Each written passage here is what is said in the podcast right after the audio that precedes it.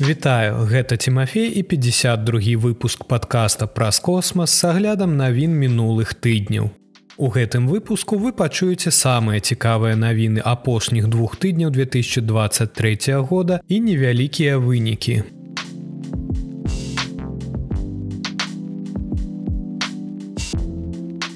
Прыватны месяцовы пасадачны модуль Перегрин ужо усталяваны на ракете ULA вулкан і чакае запуску 8 студзеня. Нас чакае першая прыватная пасадка на месяц. Запуск першай ракеты вулкан Цэнтор ад United Launch Альянс з мыса Канаверал штат Флорыда прызначаны на 8 студзеня 2024 года а месяцовы пасадачны модуль перегрин кампаніі Астработик, як чакаецца, паспрабуе прызямліцца на месяц 23 лютага 2024 года.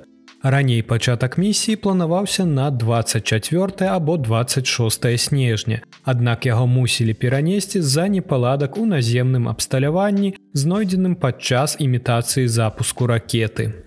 Пасадка ўводзе ў гісторыю, паколькі гэта не толькі першая місія перегры Астработик, але і магчыма першая пасадка прыватнага касмічнага карабля на месяц. Але свайго часу чакаюць і іншыя місіі.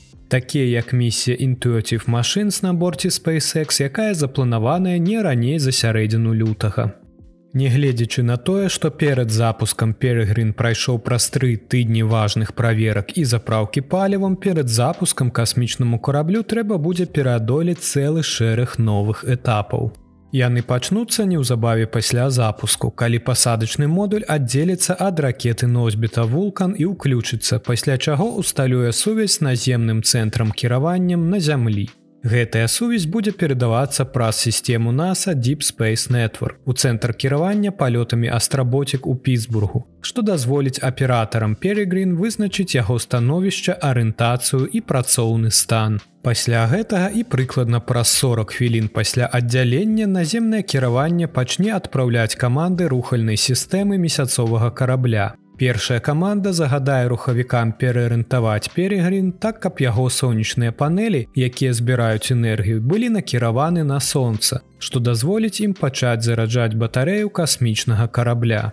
Затым каманда Астработик выканае манёўры на арбіце зямлі, якія падрыхтуюць перегрин да вываду на арбіту вакол месяца. Касмічны карабель будзе падтрымліваць стабільную месяцовую арбіту, выконваючы праверкі сістэм перш чым адправіцца на гістарычную пасадку ў канцы лютага. Перад пасадкай на месяц перегрын спачатку выйдзе на месяцовую арбіту і снізіцца з 9000 кіламетраў да 100 кіламетраў. На борце перегрын знаходзіцца 21 карыснага грузу сярод іх 5 інструментаў прадстаўленых NASAа, а таксама невялікі месяцаход распрацоўкі універсітэта Карнегі Мелана, некалькі міні-ровераў мексіканскага касмічнага агенства, а таксама шэраг грузаў ад розных кампаній і арганізацый.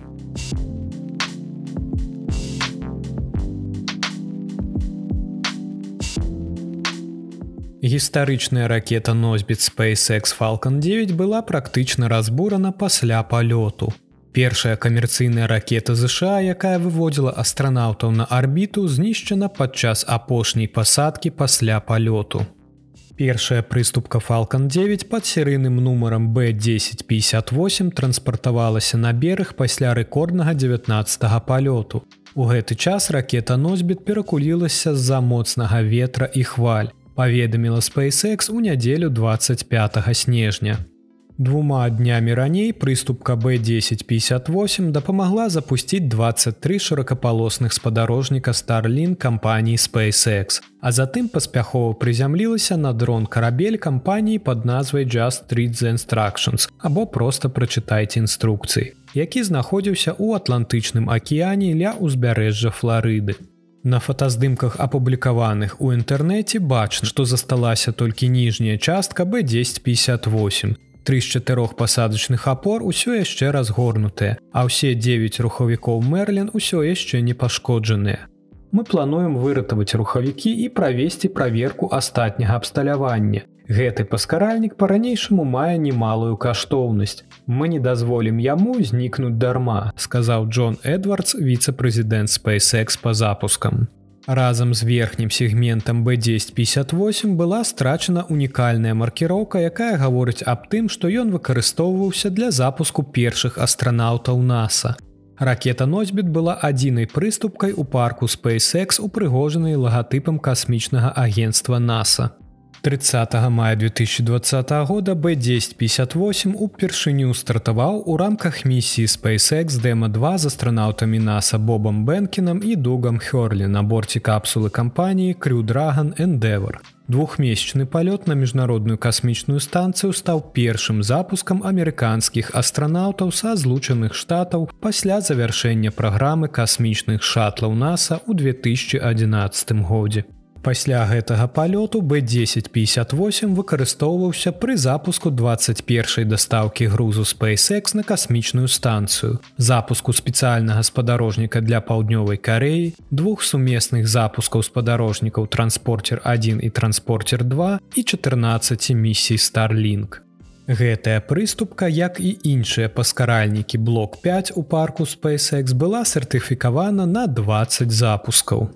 Адна толькі гэтая ракета носьбіт шматразовага выкарыстання вывела на арбіту двух астранаўтаў і больш за 860 спадарожнікаў агульнай вагой больш за 260 тонн. І ўсё гэта прыкладна за тры з паловай гады. Іншыя першыя прыступкі Фалкан 9 маглі б перажыць суровыя марскія умовы, паколькі іх пасадачныя апоры былі ўдасканалены. Мы прыдумалі самавыраўноўваючыся апоры, якія адразу ж выраўноўваюць нагрузку на ногі пры прызямленні пасля таго, як два гады таму на каляды мы сутыкнуліся з моцным перакульваннем ракеты носьбіта, напісаў віцэ-прэзідэнт SpaceX па запускам. Амаль увесь флот SpaceX выкарыстоўвае новыя апоры. Але на 1058, улічваючы яго ўзрост, не былі усталяваны гэтыя абнаўленні. Ён сустрэў свой лёс, калі сутыкнуўся з моцным ветрам і хвалямі ў 160 кіламетрах ад дома. Лічыцца, што пасля страты 1058 у SpaceX засталося 16 правераных у палёце актыўных першых прыступак Falалcon 9, а яшчэ тры чакаюць свайго першага выкарыстання. Прыхільнікі кампаній адрэагавалі на навіну аб знішчэнні 1058 са шкадаваннем аб тым, што ён не трапіў у смітцынаўскі інстытут ці іншы музей для захавання. На сённяшні дзень SpaceX выставіла на ўсеагульны агляд чатыры прыступкі Falалcon 9, якія раней лёталі. B1019 быў першым, які вярнуўся на стартавую пляцоўку для паспяховай пасадкі і сёння ён знаходзіцца поруч штаб-кватэры кампаніі ў Каліфорніі. B1035, які запусціў две грузавыя місіі драган на міжнародную касмічную станцыю, зараз выстаўлены ў касмічным цэнтры Х'юстона ў Тэхасе. B1023, які дапамог запусціць Тэсла маска ў космас у якасці бакавога паскаральніка пры першым запуске ракеты Falалcon Heavy, зараз з'яўляецца часткай атракцыёну ў комплексе для наведвальнікаў касмічнага цэнтра Кеннеді ў Флорыдзе. B1021 першая ракета носьбіт, якая паўторна прыляцела і першая прызямлілася на марскую палубу робота, зусім нядаўна была усталявана каля штаб-кватэры Дзіш Network у Літлтоне, штат Каларада.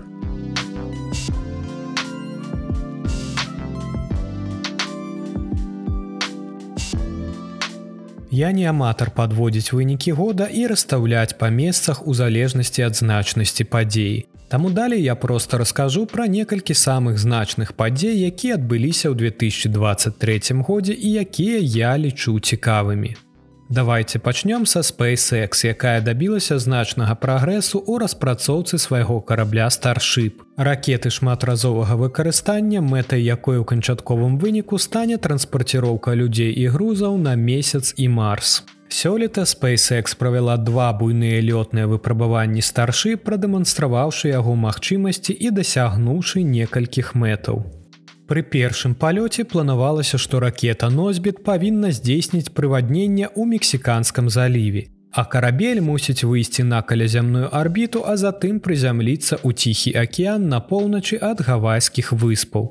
У выніку старта былі сур'ёзна пашкоджаны арбітальная стартавая пляцоўка і інфраструктура вакол яе. Падчас узлёту ў ракеты носьбіта перасталі працаваць некалькі рухавікоў. А далей падчас палёту адмовілі яшчэ як мінімум тры рухавікі. У канчатковым выніку карабель увайшоў у некантралюемае кручэнне перад аддзяленнем прыступкі з-за страты кіравання вектарам цягі. Сістэма спынення палёту ўзарвалася і ракету знішчылі. Другое выпрабаванне старшып мела профіль палёту аналагічна першаму, з даданнем гарачай прыступкі падзелу і новай сістэмы астужэння на стартавай пляцоўцы.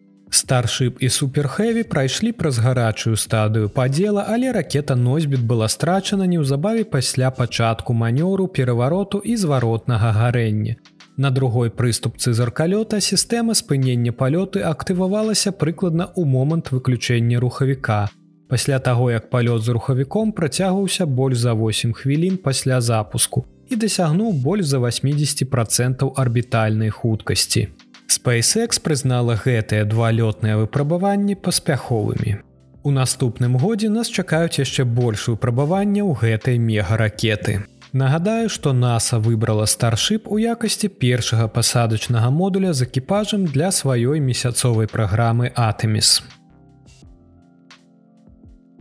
У гэтым годзе з'явіўся яшчэ адзін касмічны тэлескоп. Абсерваторыя еўрапейскага касмічнага агенства пад назвай Юклід 1 ліпеня ўзляцела ў космас на борце ракеты SpaceX Falалcon 9. Касмічная абсерваторыя Еўклід прызначана для пошуку нябачнай цёмнай матэрыі і цёмнай энергіі. Яна знаходзіцца ў кропкі два лагранжа паміж сонцам і зямлёй. Шлях туды склаў прыкладна паўтара мільёна кіламетраў. Кропкі лагранжа гэта адносна стабільныя арбіты, на якіх спадарожнікі выкарыстоўваюць мінімум паліва, а пункт прызначэння Еўкліда папулярнае месца. Напрыклад, касмічны тэлескоп Джеймса Уэба NASAа таксама круціцца на арбіце L2.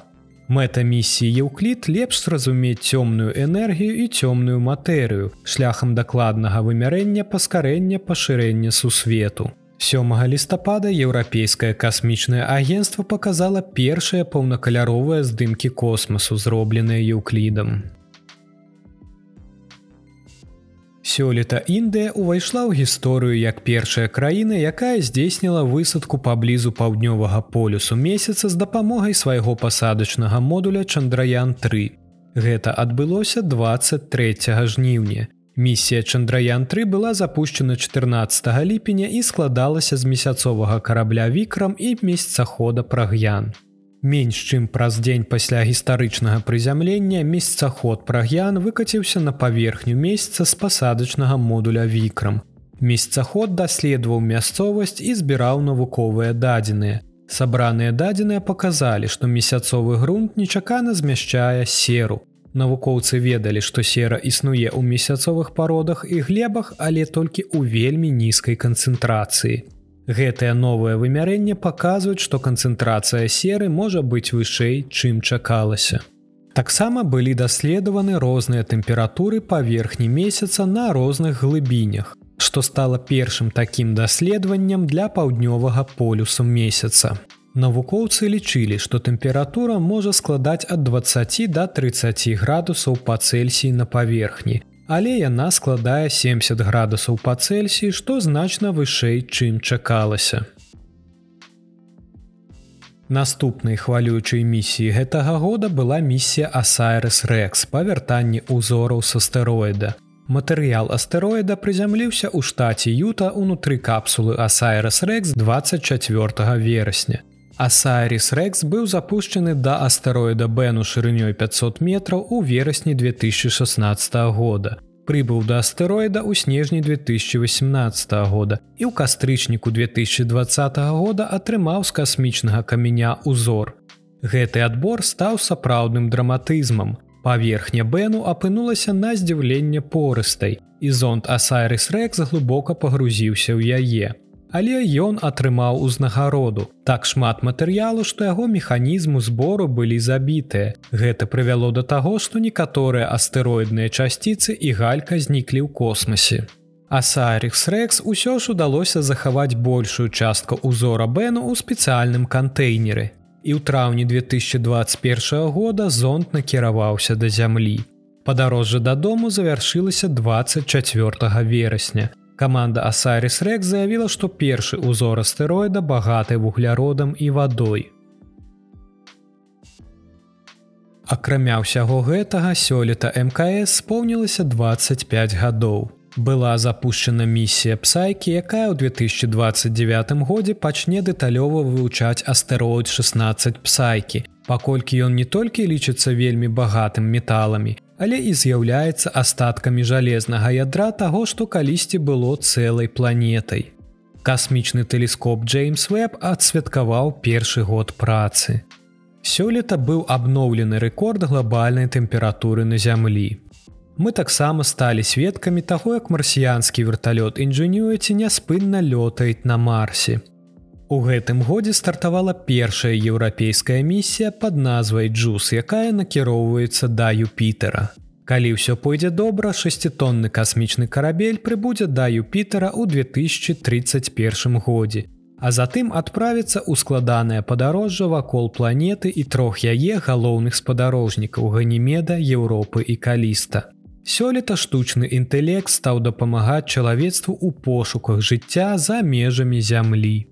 Гэта ўсе навіны і вынікі, пра якія я хацеў распавесці вам у выпуску. Цяпер пагаворым аб самых цікавых падзеях двух тыдняў новага года.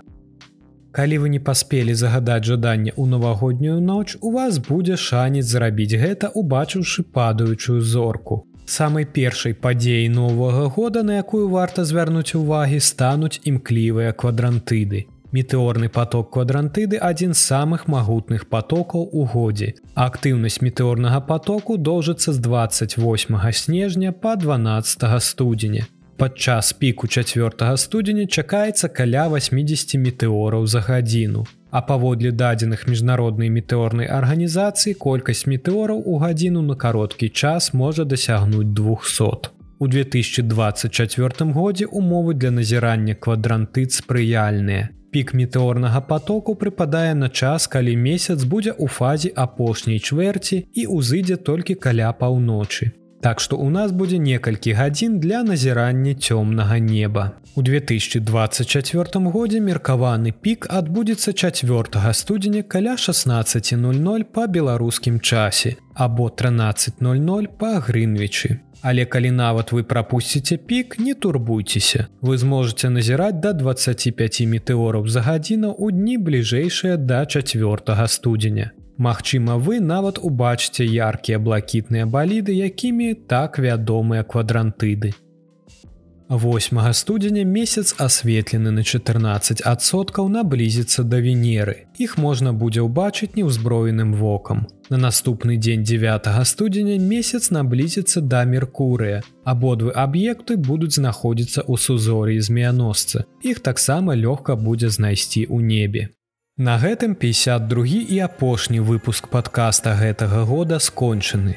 Дзякуй вам за ваш час і за тое, што працягваеце слухаць. Спадзяюся, што наступны год будзе такім жа цікавым у касмічным жыцці. Асобная і вялікая падзяка маім патронам. Дзякуй, што падтрымліваеце фінансава тое, што я раблю. Касмічнага новага года і вясёлых святаў. Пачуемся ў студзені.